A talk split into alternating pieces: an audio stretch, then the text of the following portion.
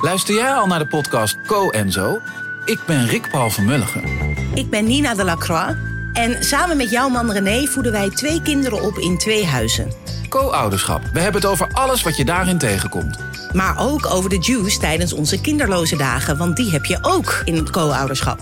Een podcast voor alle ouders in alle vormen, maar ook voor alle mensen zonder kinderen. Zijn we eerlijk, heerlijk herkenbaar. Dus luister naar Co en Zo in je favoriete podcast-app.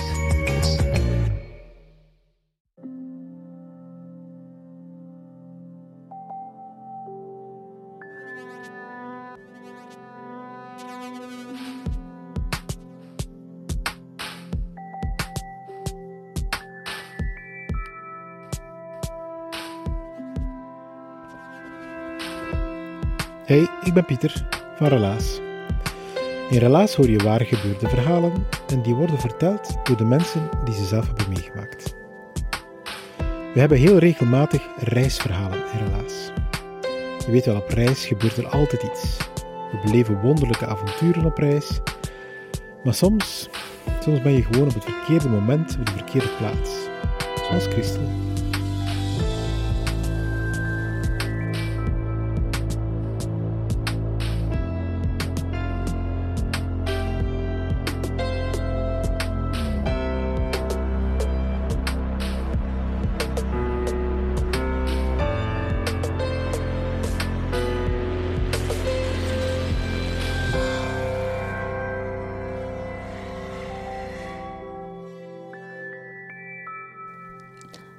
Op een zaterdagavond in de zomer van 1999, ja, het was weer al niet veel op televisie, zat ik wat te bladeren in de Humo. En ineens schoot ik recht en mijn hart begon een beetje sneller te kloppen, want ik las Vier het millennium in de Libische woestijn. Mark Beuls, cameraman van de VRT, wilde een festival organiseren met mensen van allerlei nationaliteiten in het midden van de Libische woestijn. Zonder al dat feestgedruis. Oh, dat was iets voor ons. Maar ja, mijn man. Ja, ik had niet veel woorden nodig om hem te overtuigen. Hij sprong achter zijn computer en binnen enkele minuten waren we ingeschreven. We gingen dus het millennium vieren in de Libische woestijn. Over Libië wisten we niet veel. Dat had de leider Gaddafi, en er was een embargo geweest, dat is zo'n handelsstop van de westerse landen tegen Libië, omdat er twee van zijn mannen een bom gestoken hadden in een valies op een vliegtuig naar Amerika. En het vliegtuig is ontploft boven Lockerbie, een stadje in Schotland. En er waren meer dan 500 doden. Maar nu, met het millennium, waren de Westerlingen weer welkom in Libië. We waren de eerste toeristen die na zoveel jaar weer in Libië mochten. Om meer informatie te vinden over Libië gingen we naar de boekenbeurs in Antwerpen. Maar ja, veel vonden we daar niet. We vonden alleen zo'n amateuristisch in elkaar geflanst reishetje. En daarin stond er uh, dat uh, ja, Libië een 100% moslimland was en dat er een alcoholverbod was op uh, straf van boete of gevangenisschap of lijfstraffen. Maar als dat nu in Libië ook zo was, dat weten we niet, of dat konden we toch niet achterhalen. En ja, dan lazen we natuurlijk ook dat er uh, Ramadan is. Dat is uh, één maand vasten. En dat betekent dus uh, dat de mensen daar dan van zonsopgang tot zonsondergang niet mogen eten, niks mogen drinken en naar het schijnt ook geen seks hebben. Maar ja, dat hebben we ook niet kunnen achterhalen. En direct na zonsondergang mochten de Libiërs dan eten samen met hun familie en met hun vrienden en gaven ze dan ook eten aan de mensbedeelden. Dat noemen ze dan iftar. Nu, op 26 december gingen we naar Zaventem en gingen we de, het vliegtuig nemen van naar Frankfurt en dan naar Tripoli. Maar in Zaventem bleek dus dat ons vliegtuig naar Frankfurt om 8 uur niet vloog, want het was tweede kerstdag. Dus in plaats van een, vliegtuig later te nemen, moesten we een vliegtuig een uur vroeger nemen. Maar ja, dat betekende dus geen check-in, geen douaneformaliteiten en wij maar met onze bagage al puffend naar de juiste gate en we kwamen daaraan met een rode kop, zon buiten adem en daar stonden dan twee hostessen, glimlachend en zeiden roei, roei. Ze namen onze bagage en we ploften op onze plaats. Maar ja, dacht ik direct van, wat gebeurt er dan met onze bagage? Die is niet ingecheckt. Maar ja, dankzij de Duitse Gründlichkeit van Lufthansa zijn we om middernacht in de luchthaven van Tripoli aangekomen en we waren blij met onze bagage. Maar ja, dan kwam de douane. Dat is iets anders dan bij ons. We moesten onze bagage en onze handbagage afgeven en ze begonnen één voor één met de hand alles te doorzoeken. Wij stonden zo met ons groepje een beetje apart en er werd geen woord gezegd. Nog door die douane, nog door ons. En voor de rest lag die luchthaven er verlaten bij. We durfden eigenlijk bijna niet ademen. Plotseling zagen we de ene douane iets zeggen tegen een ander douanier. En, en ze keken in een rugzak. En, en, en een van die twee douaniers, die haalden er een fles, twee flessen, Franse champagne uit. Wij keken zo met angstige ogen naar elkaar en we vroegen ons af van wie die rugzak was. En die rugzak bleek van een advocaat uit Kortrijk te zijn. Alleen een advocaat, die zou toch wel beter moeten weten, zeker. Hij moest zijn paspoort afgeven en hij kreeg hem ook niet meer terug. Vier uur lang hebben we daar moeten wachten vooraleer de douaniers ons loslieten. En dan met de bus naar het hotel. Ja, dat was zo een groot wit gebouw met enorm veel verdiepingen. En we kwamen daar binnen en dat was zo groot, cool, zakelijk, kaal. Allee, er hingen alleen maar portretten van hun leider Gaddafi. Ondertussen waren we natuurlijk doodmoe, hadden we honger en dorst. We kwamen op onze kamer en daar was een minibar. Een minibar. En wij hadden zo'n dorst en zo'n fris pintje of iets om te drinken. We vlogen erop af en die was leeg. Er was zelfs geen fles water. Ja, dan maar in ons bed gekropen. Hè. De volgende morgen, de zon was al op, gingen we naar beneden naar het restaurant en het hotel voor het ontbijt. Maar de deur was gesloten. We gingen naar de receptionist en we vroegen waarom de deur gesloten was. Ja, hij zei: Het is Ramadan.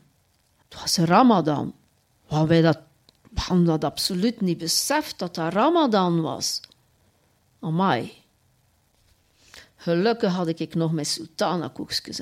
Dat is mijn voedselreserve bij elke reis. Ja, bij een klein hongertje tussendoor. En dat was het weer wachten. Hè. Wachten op onze hits. En die kwam niet af. We begonnen abu te worden en we besloten om de stad Tripoli in te trekken. Zonder hits. Maar dat was een shock. Wat we daar zagen, dat, was, dat waren mannen. Veel mannen. Ofwel westers gekleed, ofwel in een djellaba. Zo'n typisch traditioneel gewaad voor Libische mannen. En daar zagen we dan weinig vrouwen, echt heel weinig vrouwen. En die waren dan nog ingepakt in zo'n een, een lang wit gewaad met één oog bloot. En met dat oog keken ze naar beneden. Ja, ze moesten toch zien waar ze liepen. En dan de huizen, gebombardeerd, afgebroken muren met kogelgaten, puin, afval en de auto's, ja, de auto's die er reden staan hier op het Autokerkhof. Mijn man die wilde alles op camera en die begon te filmen. Maar ineens voelde hij een tik op zijn schouder en achter hem stond een man. En die gebaarde van, nee, hier niet filmen. Er bekroop zo een akelig gevoel. Oei, we werden in de gaten gehouden. Tegen de middag, ja, hadden we nog meer honger. Maar ja, alles was gesloten. Plotseling roken we zo vers gebakken brood. Oh, en we volgden onze neus door een klein straatje en we gingen naar een plein. En aan de overkant van dat plein was er een klein bakkerijtje. En daar stond de bakker broodkransen uit de oven te halen. En wij er naartoe en met één vinger probeerden we duidelijk te maken dat we één brood wilden en we betaalden dan met Libische dinars. Maar we begonnen dat brood uit elkaar te trekken en in ons mond te steken. Want dat was buiten de Libiërs gerekend. En ineens stond er zo een hele drom witte gedaantes rond ons met hun armen wapperend en ze riepen van alles naar ons. We verstonden er niks van. En gelukkig viel mijn frank snel. En we staken vlug ons brood in de plastic zak die we van de bakker gekregen hadden. De rest van de dag hebben we dat brood niet meer uit, ons, uit, uit onze plastieke zak gehaald. Tegen de avond waren we moe en hadden we honger. En gingen we terug naar het hotel. En daar passeerden we langs het restaurant. En daar zagen we zo een lang buffet met uh, lekkere mediterrane gerechten, sappige Zuiderse vruchten en zoete desserts. Het kwijl kwam al uit ons mond. We vroegen aan de receptionist hoe laat het restaurant open ging en hij zei: Zes uur bij zonsondergang. Wij vlug naar onze kamer, een douche gepakt en op stipt om zes uur stonden we aan de deur van het restaurant. Maar wat dacht je? Dat buffet dat was leeg geplunderd en het was niet voor ons. Wij kregen westerzeten op zijn Libisch. Maar ik weet het nog altijd niet, maar ik geloof dat we kip gegeten hebben. Dat was zo een gekookt wit stuk vlees met iets wat op frieten geleek. En de desserts, dat waren dus bananen en sinaasappels geworden. De volgende morgen waren we vroeg wakker, want om zes uur was zonsonderophang. Dus wij vlug naar het restaurant voor het ontbijt. En de hits was aangekomen. Eindelijk. Met de hits ging onze groep mee naar een Romeins amfitheater. Onze hits die bleek een kruidenier te zijn die ze opgevorderd hadden, omdat hij een beetje Engels sprak. Maar ja, hij wist niks van zijn historische roots. Dus ja, ik heb dan maar zijn taak overgenomen en ik was de hits met de weinige kennis die ik had uit mijn reisgidsje. Tegen de middag begonnen we ons af te vragen ja, of eigenlijk wel eten gingen krijgen of dat we moesten wachten tot de zonsondergang. Maar dat bleek gelukkig niet zo te zijn. Ze reden met ons met de bus naar een afgelegen restaurant en daar werden we via de achterdeur binnengesmokkeld in een half verduisterd restaurant. Waren de ramen geblindeerd, zodat de mensen aan de buitenkant niet konden zien dat wij binnen zaten en vooral dat we daar aten. Wat dat we daar gegeten hebben, kan ik nog altijd niet zeggen. Ik weet zelfs niet of dat vlees of vis was. Ja, het is mij nog altijd een raadsel, maar het was westers eten op zijn Libisch. De volgende morgen moesten we heel vroeg opstaan, want dan gingen we eindelijk naar de Libische woestijn. Daarvoor hadden we ons ingeschreven, de Libische woestijn. Dus heel vroeg vlogen we met een militair vliegtuig naar een militair vliegveld dicht bij de Libische woestijn. Ze dropten ons daar aan een gebouw en van zes uur s morgens zaten we daar al te wachten. Te wachten. En we hadden geen eten bij, hè? Allee, Ik had mijn sultana koekjes bij en nog enkele bananen die ik van het ontbijt meegenomen had. En ja, dat bleef maar duren. En bij onze groep was er ook nog een groep Italianen die ook naar de Libische woestijn dat oude jaar ging vieren. En die hadden muziekinstrumenten bij. En die begonnen muziek te spelen. En wij begonnen te dansen.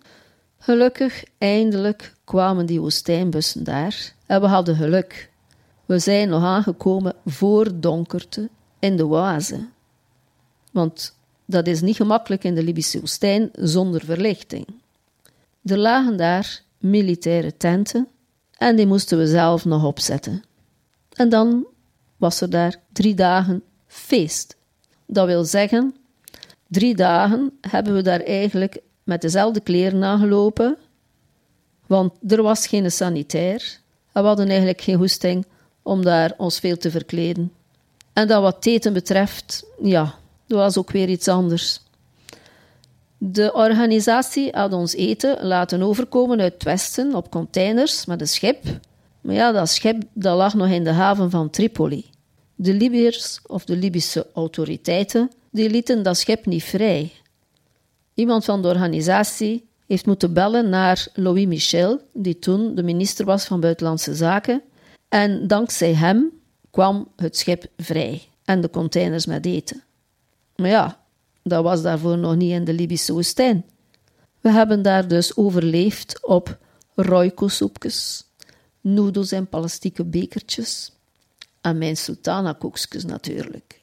En wat de drank betrof, de organisatie die had uh, enkele blikken bier en enkele kartonnen wijn kunnen meesmokkelen. En we hebben oudejaarsavond dan ook doorgespoeld met een pintje of twee. Op nieuwjaarsdag zijn we dan teruggereden met de woestijnbussen naar de bewoonde wereld. En midden in de woestijn zagen we daar een koelwagen die vastgereden was in de woestijn in omgekeerde richting. En onze chauffeur die maakte ons duidelijk dat dat eigenlijk ons eten was, die daar vast zat. Na nog een dag of twee Tripoli gingen we terug naar de luchthaven in Tripoli. En daar, wij zaten daar allemaal al op het vliegtuig te wachten. Iedereen, uitgenomen onze advocaat, die was er nog niet. En we begonnen ons toch wel een beetje zorgen te maken, want ja, die had geen paspoort. Door hem hadden we eigenlijk ook al iedere keer miserie gehad. Bij elke paspoortcontrole hadden wij ons paspoort en hij had zijn paspoort niet. Gelukkig voor hem ging hij telkens mee. En nu zaten wij maar te wachten. En eindelijk zagen we hem op dat vliegtuig. Iedereen was zo opgelucht en we begonnen spontaan te, te applaudisseren. Echt waar. Hij vertelde ons dat hij 300 dollar heeft moeten betalen voor zijn paspoort. Terug in België aangekomen, lieten we onze valiezen voor wat ze waren en we namen de tram naar het centrum van Gent, recht naar de Cour Saint-Georges. En daar hebben we een biefstuk besteld. Zo'n sappige ribeye, gebakken op houtskool, met verse handgesneden frietjes, vers gemaakte mayonaise en sla en tomaten. Heerlijk. We waren weer op bekend gebied met lekker eten, lekkere wijnen, frisse pinten en niemand die ons in de gaten hield. Wat Libië betreft, dat is een mooi land. Echt waar. Qua cultuur en natuur zeker aan te raden om op vakantie te gaan. Ik weet, het zal waarschijnlijk niet voor direct zijn, want is dat nu nog een burgeroorlog en die vluchtelingen van Afrika zitten daar in vluchtelingenkampen te wachten om naar Europa te gaan. Wat de Libische keuken betreft, tja, die ken ik nu nog niet. Want we hebben heel tijd overleefd op westers eten op zijn Libisch, roiko-soepjes, noedels in plastieke bekertjes, sultana-koekjes en bananen. Enorm veel bananen. Ik zou eigenlijk een keer moeten kijken of er een Libisch restaurant is in Gent.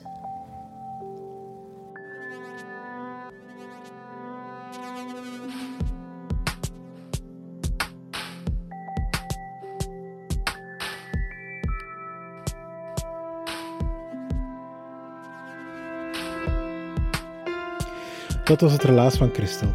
Ze heeft het verteld aan haar eigen voordeur in Gent in maart van 2021. In pandemietijd dan kunnen we niet samenkomen om naar verhalen te luisteren, maar dan komen wij coronaproof aan uw voordeur staan om te luisteren en zo is het relaas van Christel ontstaan. De Libische keuken trouwens, Christel, die vind je niet direct terug in Gent. Ik heb het opgezocht voor jou. Maar blijkbaar is de keuken in Tripoli heel hard beïnvloed door de Italiaanse keuken. Veel vis, veel pasta. En qua groenten, vijgen en dadels vooral. Als ik me niet vergis zit dat ook in sultana-koekjes, van gedroogd fruit. Helaas is het dankzij de steun van de dienst Cultuur van de stad Gent en die van de Vlaamse gemeenschap.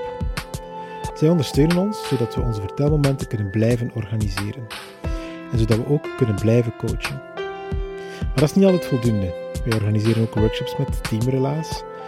Workshop storytelling is dat bijvoorbeeld. Of we maken podcasts en op die manier kunnen we blijven bestaan. En jij als luisteraar kan drie dingen doen.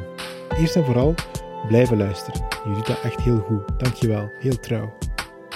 En dan kan je dit verhaal ook doorsturen naar iemand aan wie dat je moest denken toen je het verhaal hoorde.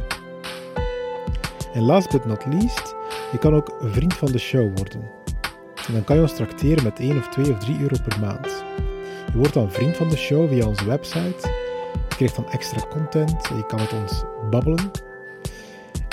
En um, hoe word je vriend van de show? Wel, dat kan door op gelijk welke aflevering te klikken op onze website. En dan kan je onderaan klikken naar Word vriend van de show. En zo kan je ons steunen. Dankjewel daarvoor.